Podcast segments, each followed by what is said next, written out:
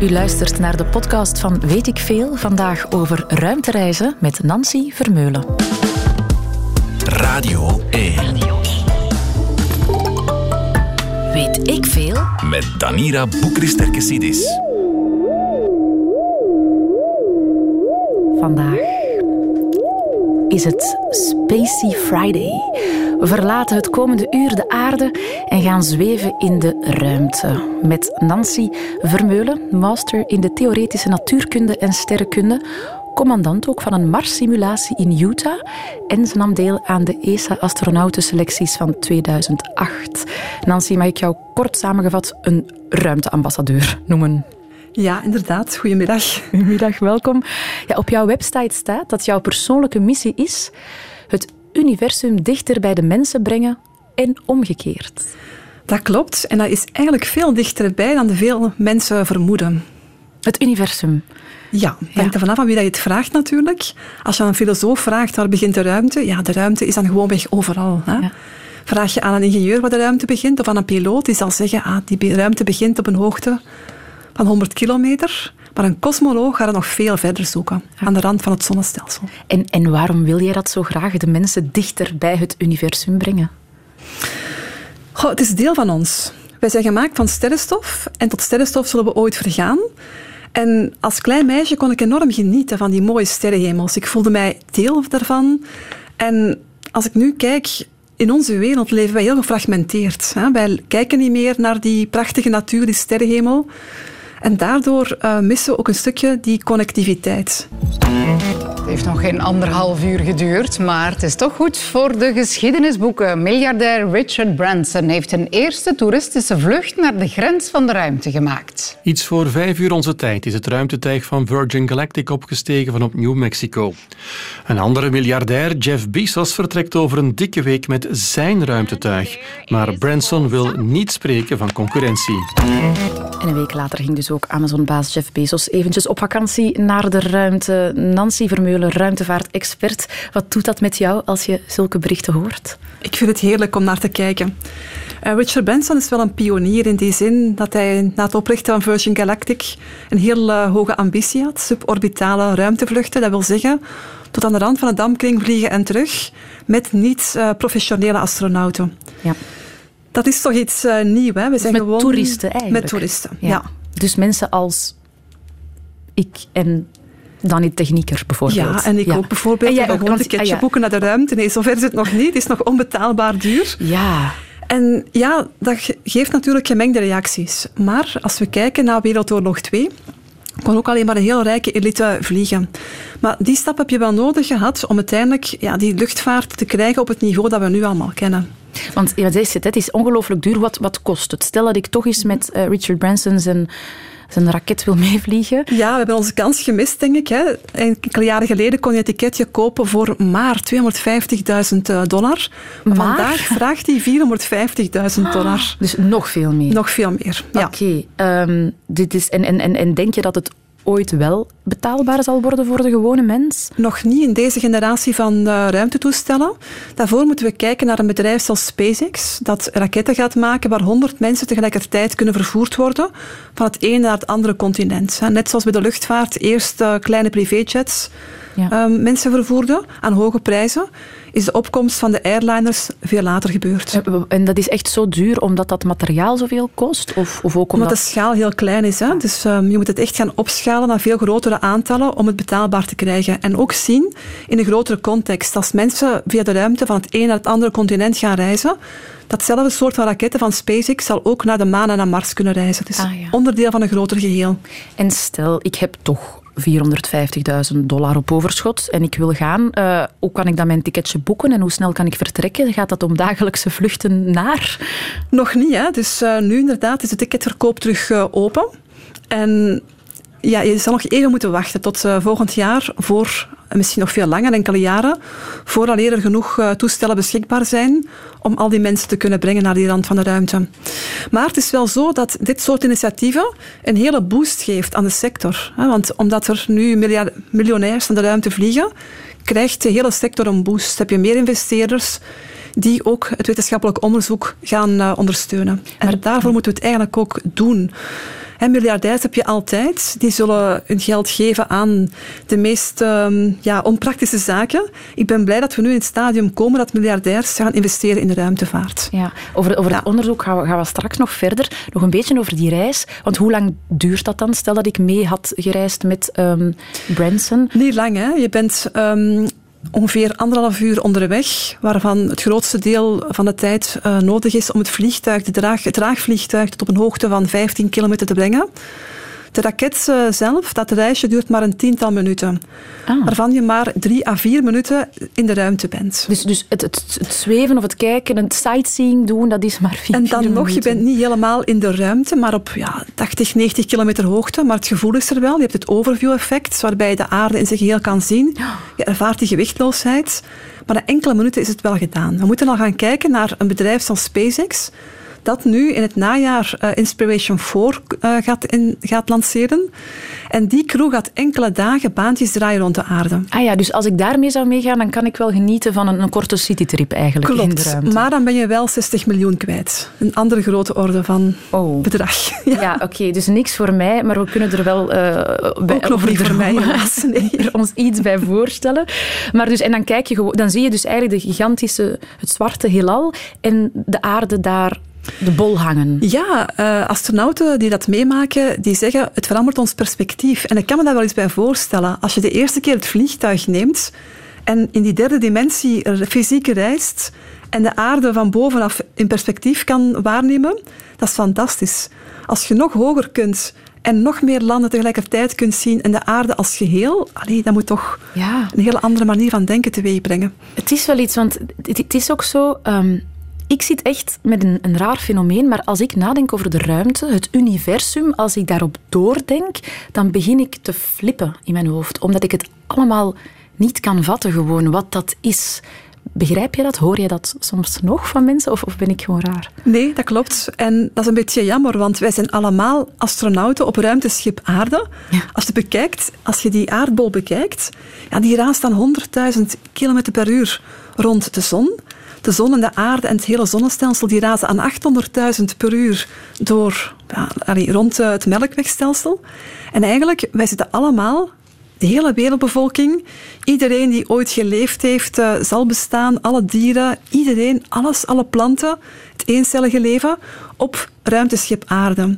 En als we naar boven kijken, dan kunnen we eigenlijk genieten van een prachtig uitzicht. Tenminste, als we een mooie sterrenhemel kunnen zien. Hè, als er geen lichtvervuiling of luchtpollutie is.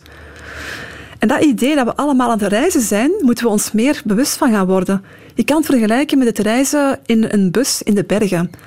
Stel je rijdt in een prachtig berglandschap met de gordijnen dicht. Ah, ja. En je opent dan meteen die gordijnen, dat moet toch ook een, een verademing zijn. En dat moeten we misschien allemaal meer gaan beseffen. Ja, maar toch, ja, ik ben er nooit geweest, dus ik kan mij er niks bij voorstellen, de ruimte. En het geeft me soms zelfs een beklemmende gedachte. Zo van, als wij zijn maar zo'n klein deeltje in zoiets groots. Het is zo, ja. Jij, want jij bent, ja, je bent bestudeerd, je bent sterrenkundige. Is het voor jou allemaal wel te bevatten of is het ook zelfs voor wetenschappers iets? Blijft het iets on, ongrijpbaar? Het blijft iets ongrijpbaar. En dat is ook zo mooi. Je kan daar volledig in opgaan je volledig aan overgeven. En hoe meer je daarmee bezig bent, hoe meer je beseft hoe nietig en hoe klein dat we zijn. Radio 1.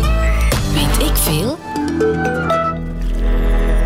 Nancy Vermeulen is de gast vandaag, Space Ambassador, ruimte-expert over ruimtereizen. Nancy, een, uh, een vraag van een luisteraar, Robin. Hij zegt, ik vraag mij al lang af hoe het komt dat wij niet kunnen horen dat de aarde rond zijn as draait en rond de zon vliegt. Dat moet toch een gigantisch lawaai maken? Dat is een heel goede vraag. Maar in de ruimte heb je geen geluid. Hè? En dat komt omdat in de ruimte geen lucht is. Een geluid ah. heeft een medium nodig om zich voor te planten. Wij geluids, onze geluidsgolven planten zich voort via de lucht. Hè? Of in, in, in water heb je een ander soort van um, geluid. Maar in de ruimte is het luchtledig. Dus als je kijkt naar science fiction series waar heel veel lawaai is, eigenlijk is daar een muis stil in de ruimte. Die zal niet zelf horen ademen, maar de aarde zal geen weerstand maken, want er is niks om weerstand in te maken. Dus dat is de pure rust daar? Ja. Dus daar moeten we stilte retreats organiseren in de ruimte? Absoluut. Oké. Okay. Nancy, jij bent zelf de bedenker als eerste in Europa, als ik me niet vergis, van een programma om potentiële ruimtevaarders voor te bereiden op private ruimtevluchten. Ehm, dus eigenlijk toeristen, stel dat ik zou willen gaan, Mhm. dan, dan kan jij mij daarop voorbereiden.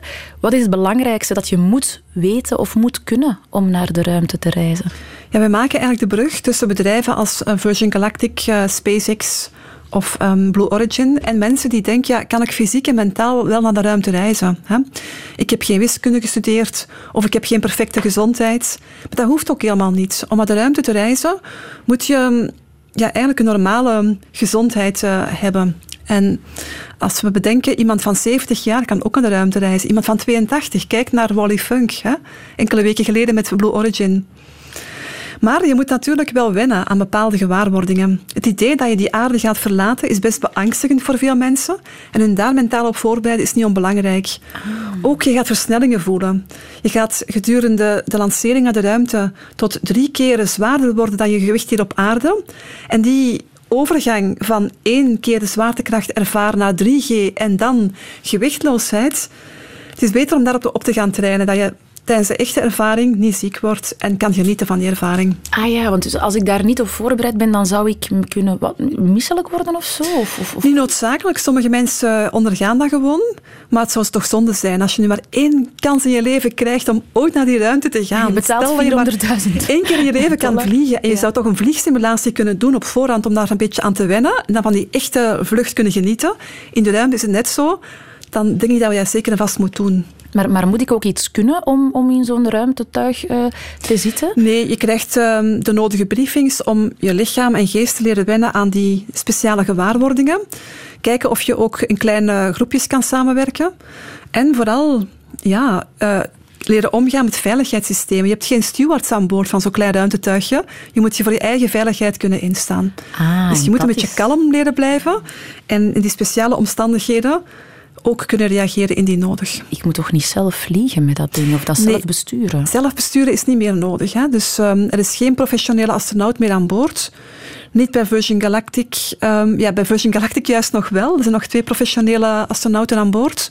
Commerciële astronauten moet ik zeggen. Die het, vliegtuig, eh, het ruimtevliegtuig besturen. Bijvoorbeeld bij Blue Origin is er geen piloot of geen steward aan boord. Alles gaat automatisch. Idem voor de Dra- Crew Dragon van SpaceX. Dus ik zou daar gewoon alleen, automatisch. ik zou daar gewoon alleen in kunnen zitten en zo kunnen reizen naar Ja. de ruimte en daar dan vier minuten citytrippen en dan terug. Wij, ja, wij leren de mensen wel eh, een docking uitvoeren met het internationaal ruimtestation aanmeren. Maar in de praktijk moeten zelfs professionele astronauten dat niet meer manueel doen. Amai. Nu, eh, je zei daarnet ruimtevaart en ruimtevaart en ruimteonderzoek. eh, dat is allemaal ook superbelangrijk nu. Er zijn mensen die vinden dat eh, ruimtereizen geld en tijdverspilling is. Uiteraard. Dat kost duizend miljard ongeveer, dat hele project. Vindt u dat overdreven geld? Vindt Ja, u dat dat- men het beter zou kunnen gebruiken of niet? Ja, dat vind ik wel, meneer. Want het pensioen dat ik feitelijk krijg, dat is maar 2000 frank op een maand. Dat was veel beter dat de oude mensen een klein beetje meer geven als dat ze dat in de lucht gooiden. Ze zouden het beter niet allemaal in de lucht gooien. Ja, Nancy, er kunnen veel nuttiger zaken gebeuren met al dat geld. Dit was een, eh, een, een fragment naar aanleiding van eh, de, de maanlanding toen, die veel teweeg bracht. Ehm, Ja, zo werkt het uiteraard mensen? dus niet. Hè. In ruimtevaart werkt ja, toptechnologie samen met topwetenschap. En we weten allemaal dat investeren in fundamentele technologie, in fundamentele wetenschap, loont op lange termijn. Ja, want, in, in, want wat, wat kan je de, de, de voordelen van dat onderzoek eens concreet maken? Welke zaken in ons Mhm. dagelijks leven hebben wij te danken aan ruimteonderzoek, aan Oh, eigenlijk alles. Alles? Als we kijken naar onze communicatietechnologie, hè, ehm, zonder satellieten in de ruimte kunnen we dat niet hebben. Navigatie, het in kaart brengen van eh, klimaatveranderingen, weersystemen, dat kan alleen maar dankzij de ruimtevaart. Ehm, onze kennis over moderne materialen, materialen dat we gebruiken in onze gsm's, in onze smartphones, betere halfgeleidertechnologie, maar ook betere medicatie en kennis over het menselijke lichaam, Ho- hoezo? is dankzij de ruimtevaart. Ja. Hoe? Kan je dat gemakkelijk uitleggen of is dat dan al heel eh, wetenschappelijk? Goh, als we kijken bijvoorbeeld naar het maken van betere medicatie, meer zuivere kristallen, omdat je daar ehm, in, aan boord van het internationaal ruimtestation gewichtloosheid hebt, kan je kristallen op een meer zuivere manier en efficiënter laten groeien om betere medicatie te maken bijvoorbeeld. Eh, het 3D-printen van organen kunnen we in de toekomst eh, gaan verwachten. Maar ook kennis over ons menselijk lichaam door in extreme te gaan testen. En te gaan kijken, ja, door die zwaartekracht die we elke dag als vanzelfsprekend ervaren weg te nemen, krijgen we in de ruimte versnelde osteoporose, uh, hart- en vaatafwijkingen bijvoorbeeld. Um, ja, afwijkingen in het immuunsysteem die heel nuttig kunnen zijn om te testen op gezonde astronauten, om dan medicatie te ontwikkelen die ook mensen op aarde helpt. Alzheimer, kanker enzovoort. Dus, dus, dus, dus je kan eigenlijk met astronauten in, in de ruimte dingen gaan testen en dat geeft dan betere medicatie op aarde? Ja, kort gezegd uh, wel. Komt het daarop neer. Ja. En dat, dat ruimteonderzoek... Um, in opdracht van wie gebeurt dat dan? Is dat dan uh, allee, gebeurt, door wie wordt dat betaald bijvoorbeeld? Goh, door duizenden partners. Hè. Je hebt ja. nu vandaag de dag heel veel publiek-private samenwerkingen. Uh, het is niet alleen zo dat um, overheden geld geven, maar ook uh, universiteiten, privébedrijven die mm-hmm. specifiek een onderzoeksproject ontwikkelen of zelfs sponsoren om dan de ruimte uit te voeren. Uh, de komende tientallen jaren zullen we zien dat er uh, meer private publieke samenwerking zal gebeuren. En bepaalde spin-offs ook in de ruimte gaan gebeuren. Ja. Maar je zegt dus ook overheden, dus het kost wel iets aan de belastingbetaler? Ja, uiteraard. Ruimte, ruimteonderzoek voor, voor 20 de... euro per Europeaan ongeveer. Maar... Um, 20 euro per Europeaan? Ja. Dus elke Belg betaalt 20 euro per, per, ja, wat, per jaar? we nu per Belg, inderdaad, omdat we als België ook in die Europese samenwerking zitten. Hè. Ja, maar het levert ons wel veel op als ik Uiteraard. Dat is niet direct uit te drukken, maar ja, investeren in toptechnologie en topwetenschap, dat is onbetaalbaar op lange termijn. Het is zelfs zo, als je dat stillegt, dan stopt de vooruitgang. Als we stoppen met investeren in de ruimte, stopt de vooruitgang? Goh, je mag dat niet loszien natuurlijk, die ruimtevaart. Het is een logische evolutie in een technologische maatschappij. En net zoals onze wereld opengegaan is vele jaren geleden door de zee te gaan verkennen, de lucht te gaan verkennen, en de wereld ook een stukje kleiner geworden is, is die ruimte daar nu ook om te verkennen. Weet ik veel? Nancy Vermeulen, ruimtevaartexpert, nog steeds een gast. Um, er is een luisteraar, Bob, en Bob vraagt: Als ons universum deel uitmaakt van een multiversum, wat zou er dan tussen deze universa bestaan en wat zou de grens van het universum uitmaken? Dus wacht, ik, want ik vind het al een moeilijke vraag. Als ik het goed begrijp, als ons, hij, hij zegt wat als ons universum dus deel uitmaakt van een multiversum? Wat bestaat er dan tussen de universa? Ah ja, ik snap hem, de vraag. Het is niet mogelijk om de grenzen van ons, ons eigen universum in kaart eh, te brengen. Dat, of ons eigen universum wordt nu op 42 miljard lichtjaar geschat, het zichtbare universum, maar daarbuiten heb je natuurlijk nog iets dat niet meer waar te nemen valt. En ja, in de tijd gaan terugkijken leert ons veel over de ontstaansgeschiedenis van ons eigen universum. Maar dieper dan ja, um, voorbij de Big Bang en zelfs de eerste 100.000 jaar kunnen we nog niet kijken. Nee. Er zijn zaken die we kunnen weten en ook zaken die we echt niet kunnen weten. Dus waar we over kunnen speculeren en theorie over kunnen, over kunnen theoretiseren.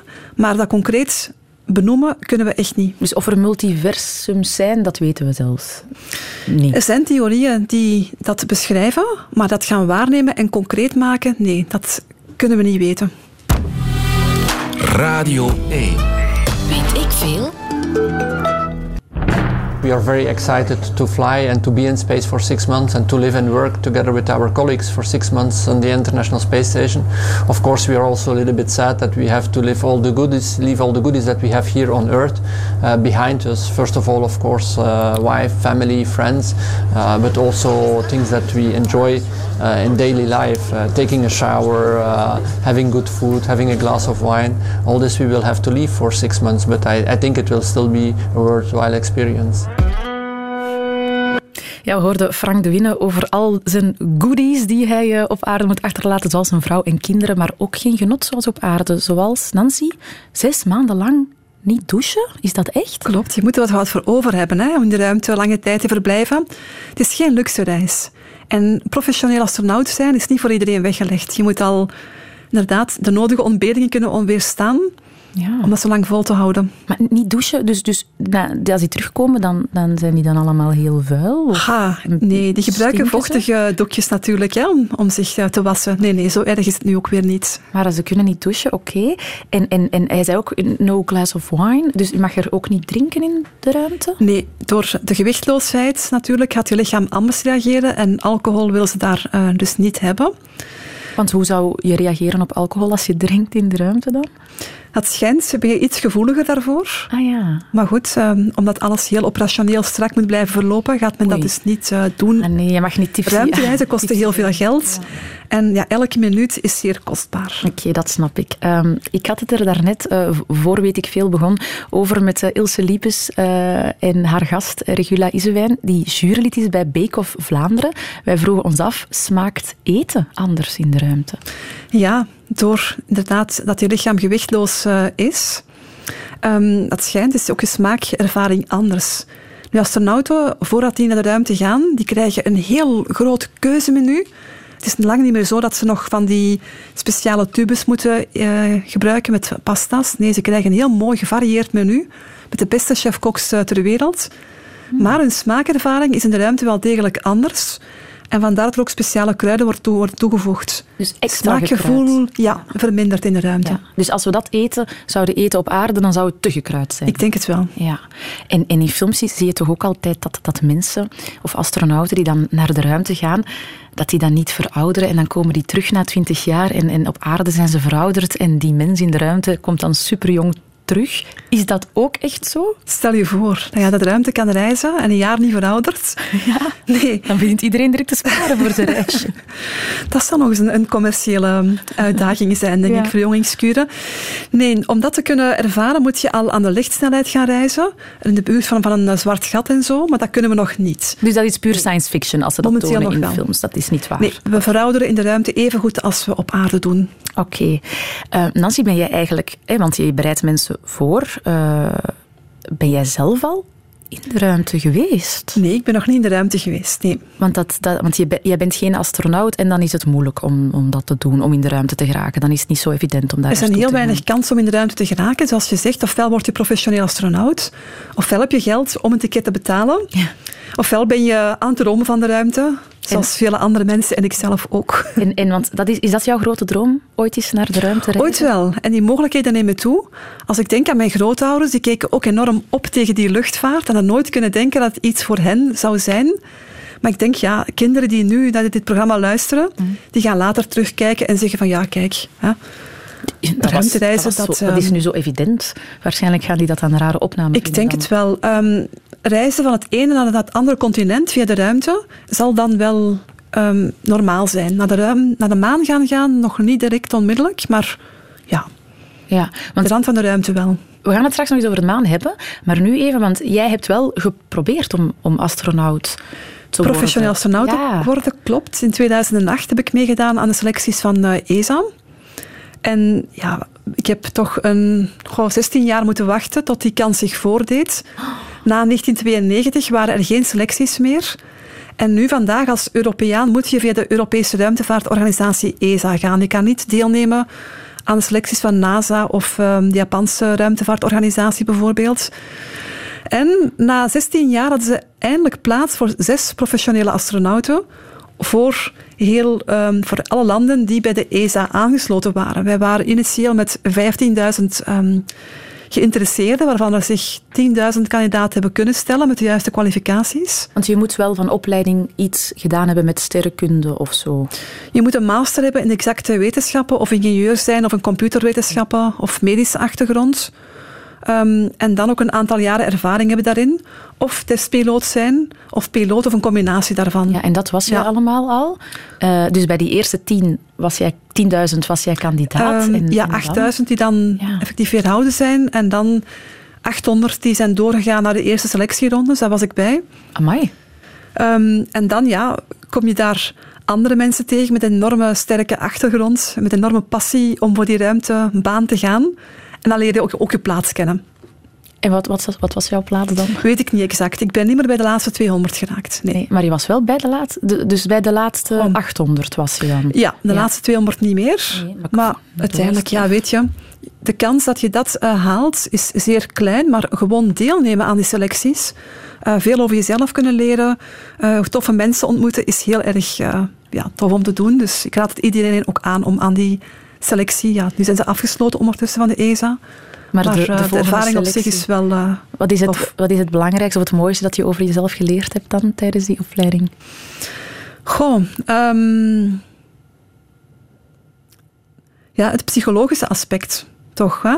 Dat ruimtereizen uh, iets is voor mensen die ja, aan bergbeklimmen doen of extreem, extreme omstandigheden overleven.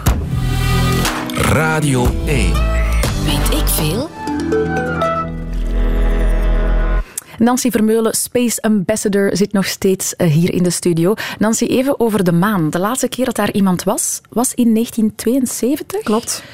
Zijn er nog plannen voor om er nog eens naartoe te gaan? Hoe komt dat dat zo lang niet gebeurd is? Ja, bemande ruimtereizen naar de maan waren heel actueel in de jaren 60 en de jaren 70, omdat er toen een ruimtewedloop bezig was tussen twee grootmachten, Amerika en Rusland.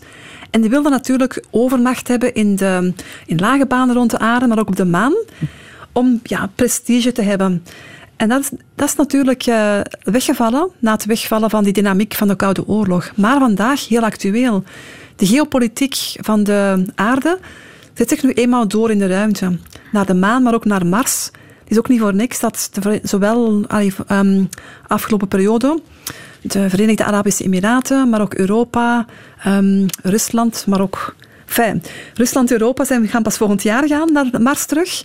Maar zowel Amerika als Europa, uh, alle grootmachten, die zitten in ja, en, en de maan hebben ze al gehad, dus nu gaan ze allemaal richting Mars en daar dan tonen wie de sterkste grootmacht is. En de maan als tussenstap daar naartoe. De maan, de, maan de ruimtereizen, klopt. Ja, want er is veel te doen rond Mars. Zeker nu ook uh, Elon Musk, hè, de, de, de grote Tesla-man, al heeft laten weten dat hij daar wel wil gaan wonen. Zijn vrouw, de Canadese zangeres Grimes, die zegt letterlijk dat ze klaar is om daar te sterven. Dat is heel extreem natuurlijk, maar je hebt soms extreme visionairs nodig om vooruitgang te creëren. En Elon Musk is daar toch een van de grote inspiratoren in. Um, maar is het een realistische droom van hen? Zullen ze er kunnen gaan om wonen? Om daar een stad te gaan bouwen is echt te ver gezocht. We gaan nog meemaken dat mensen gaan landen op Mars. Daar een soort van uh, nederzetting gaan bouwen. Een beetje zoals Antarctica hier op, de, op aarde. Maar daar effectief met hele grote mensengroepen gaan wonen. Het zal geen aarde 2.0 worden.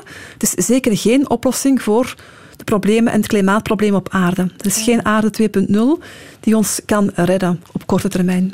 Oké, dus, dus maar, maar, Elon Musk, ja, die man is zo machtig, die heeft zoveel geld. Het zou wel kunnen dat hij daar met zijn vrouw gaat wonen. Wie weet In die ooit, nederzetting dan. Ja, ja, wie weet. Als we kijken op aarde, in welke extreme omstandigheden dat we toch kunnen leven. Kijk naar Dubai, hoe dat men daar een kunstmatige stad, uh, kunstmatige eilanden bouwt. De technologie is nu wel klaar, stilletjes aan, om dat ook te gaan doen op andere hemellichamen. Ja, ja. en is daar dan uh, wifi? Nee, Mars? niet onmiddellijk. Maar ook daar wordt aan uh, gewerkt. Maar de grootste uitdagingen zijn natuurlijk lichamelijk en geestelijk. Uh, menselijke lichaam is niet gemaakt voor zo lange ruimtereizen. De straling is een groot probleem. Maar voor elk van die deelproblemen zijn er ongelooflijk sterke teams aan, aan het werken op aarde om dat te kunnen oplossen. En, en, en wanneer denk je dat de eerste voet op Mars zal gezet worden? Uh, ik denk begin jaren 40. Ah ja, dus, dus ik, ik ga dat waarschijnlijk nog wel meemaken. Ja, wij allemaal, denk ik. Ja, ja, ja. ja, ja, wel, ja. Amai, dat is niet zo lang meer. Um, nee, als je het zo bekijkt, uh, niet. Nee. Ja, 40 jaar inderdaad. Ik dacht dat is nog verder. We zijn al 2021, was ik even vergeten. Ja, nee, de tijd gaat is, snel. De tijd gaat snel. Maar de bedoeling is ook nu om daar sustainable te gaan blijven. Om, je, kan, je kunt onmogelijk alles van logistiek meenemen van op de aarde. Uh -huh. Maar als je ter plekke met 3D-printers de habitats kan gaan bouwen, een volledige um, circulair systeem kan gaan doen, dankzij ruimtevaart weten we ook veel meer over recyclage van water, over uh, het optimaliseren van um, zonnepanelen, het uh, efficiënt maken van recyclage in het algemeen, danken we een groot stuk aan de ruimtevaart. Weet ik veel? Nancy, um, er zijn mensen die zich wat vragen stellen bij de ecologische voetafdruk van al dat ruimtereizen. Terecht ook wel. Uh, ik had daar ook wat vragen bij, want raketten die worden toch ook altijd met veel geweld de lucht ingestuurd, in een grote rookwol, veel vuur, uh, te reizen naar daar. Het lijkt me allemaal niet zo ecologisch. De huidige ruimtevaart is daarin ook aan het evolueren, in de zin dat we nu veel raketten kunnen hergebruiken, met minder ruimteafval maken en zo. Dus de herbruikbaarheid uh, komt nu aan bod, als ook betere, groenere brandstoffen. De bedoeling uiteindelijk is om dankzij die ruimtevaart zware industrie ook te gaan verleggen naar de maan en ook planetoïden.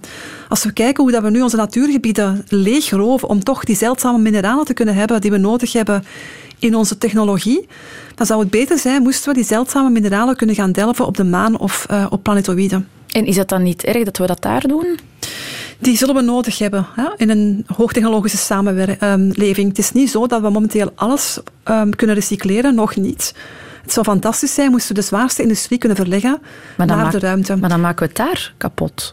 Niet noodzakelijk. Als we kijken naar ruimterotsen, waar op zich geen leven is. Je hebt waarschijnlijk uh, planeten of, of uh, hemellichamen waar leven mogelijk kan zijn, maar ook heel veel gewone rotsblokken, zoals planetoïden. Ah. Helium-3, de toekomstige brandstof, moest uh, kernfusie mogelijk zijn, is massaal aanwezig op de maan. Moesten we dat daar kunnen gaan delven, zouden we het klimaatprobleem toch een stukje en, en, daar heeft dat, vooruit kunnen helpen. en daar heeft dat geen impact op het leven of op de natuur en al die zaken. Is, is dat wat je zegt dan? Goh, we moeten natuurlijk op voorhand weten waar we dat, dat, dat gaan doen. Hè. Als een planeet potentieel leven zou kunnen herbergen, moeten we dat vooral niet gaan doen. Maar een rotsblok, waarom ook niet? Ah ja, want dat is niet gevaarlijk voor die rotsblok dan? Nee. Oké. Want ja, er zijn veel luisteraars die zich zorgen maken over dat impact op het milieu. Het is een en-en verhaal. Ja, Muriel bijvoorbeeld zegt, wat is de environmental cost van commerciële ruimtereizen? Hoe Mhm. is dit in overeenstemming te brengen met de objectieven van de klimaatakkoorden? Nog heel klein. Momenteel is de ruimtevaart maar een fractie van het percentage van de luchtvaart, die dan ook zijn um, bijdrage levert. Natuurlijk, als we de ruimtevaart gaan opschalen, zal dat percentage toenemen. We weten nog vrij weinig wat de gevolgen zijn in de hogere atmosferische lagen, zoals de stratosfeer. Daar moet nog veel meer onderzoek naar gebeuren. Maar die impact. eigenlijk is, is, het, is, het, is het vervuilend of niet? Ruimtevaart, ruimtereizen. Niet vervuilender dan de luchtvaart. En ook die, deze sector is enorm bewust van die problematiek. Ja. En we kunnen dat wel het is niet de bedoeling om constant van de aarde te gaan vertrekken. Op termijn moeten we in lage banen rond de aarde stations gaan maken, ook op de maan, om van daaruit te kunnen gaan vertrekken. Hebben we minder vervuilende raketten nodig? Dat is okay. uiteindelijk de bedoeling. Ze zijn bezig met het groen maken van het ruimte. Uh, van het de stapjes er naartoe worden genomen. Ja. Uiteindelijk moeten we gaan lanceren in banen rond de aarde of op de maan en niet van op de aarde zelf. Oké, okay. dan uh, zijn nog, er zijn nog 50 seconden. En dan rest er ons nog maar één ding. De check of ik wel goed heb opgelet. Uh, kan je één vraagje stellen? Weet wat, ik zijn, yes. wat zijn suborbitale ruimtevluchten? Uh, iets met de dampkring. Uh, ruimtevluchten naar de dampkring of van de dampkring, zoiets? Van de dampkring en terug. Ja, dus is het juist dan? Ja hoor.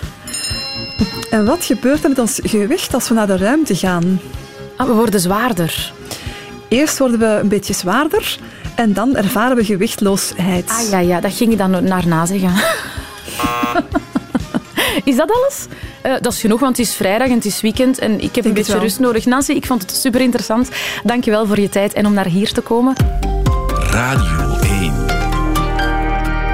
Weet ik veel? Dit is het einde van deze podcast van Weet ik veel. Weet ik veel is trouwens een programma van Radio 1. Op radio1.be vind je nog veel meer.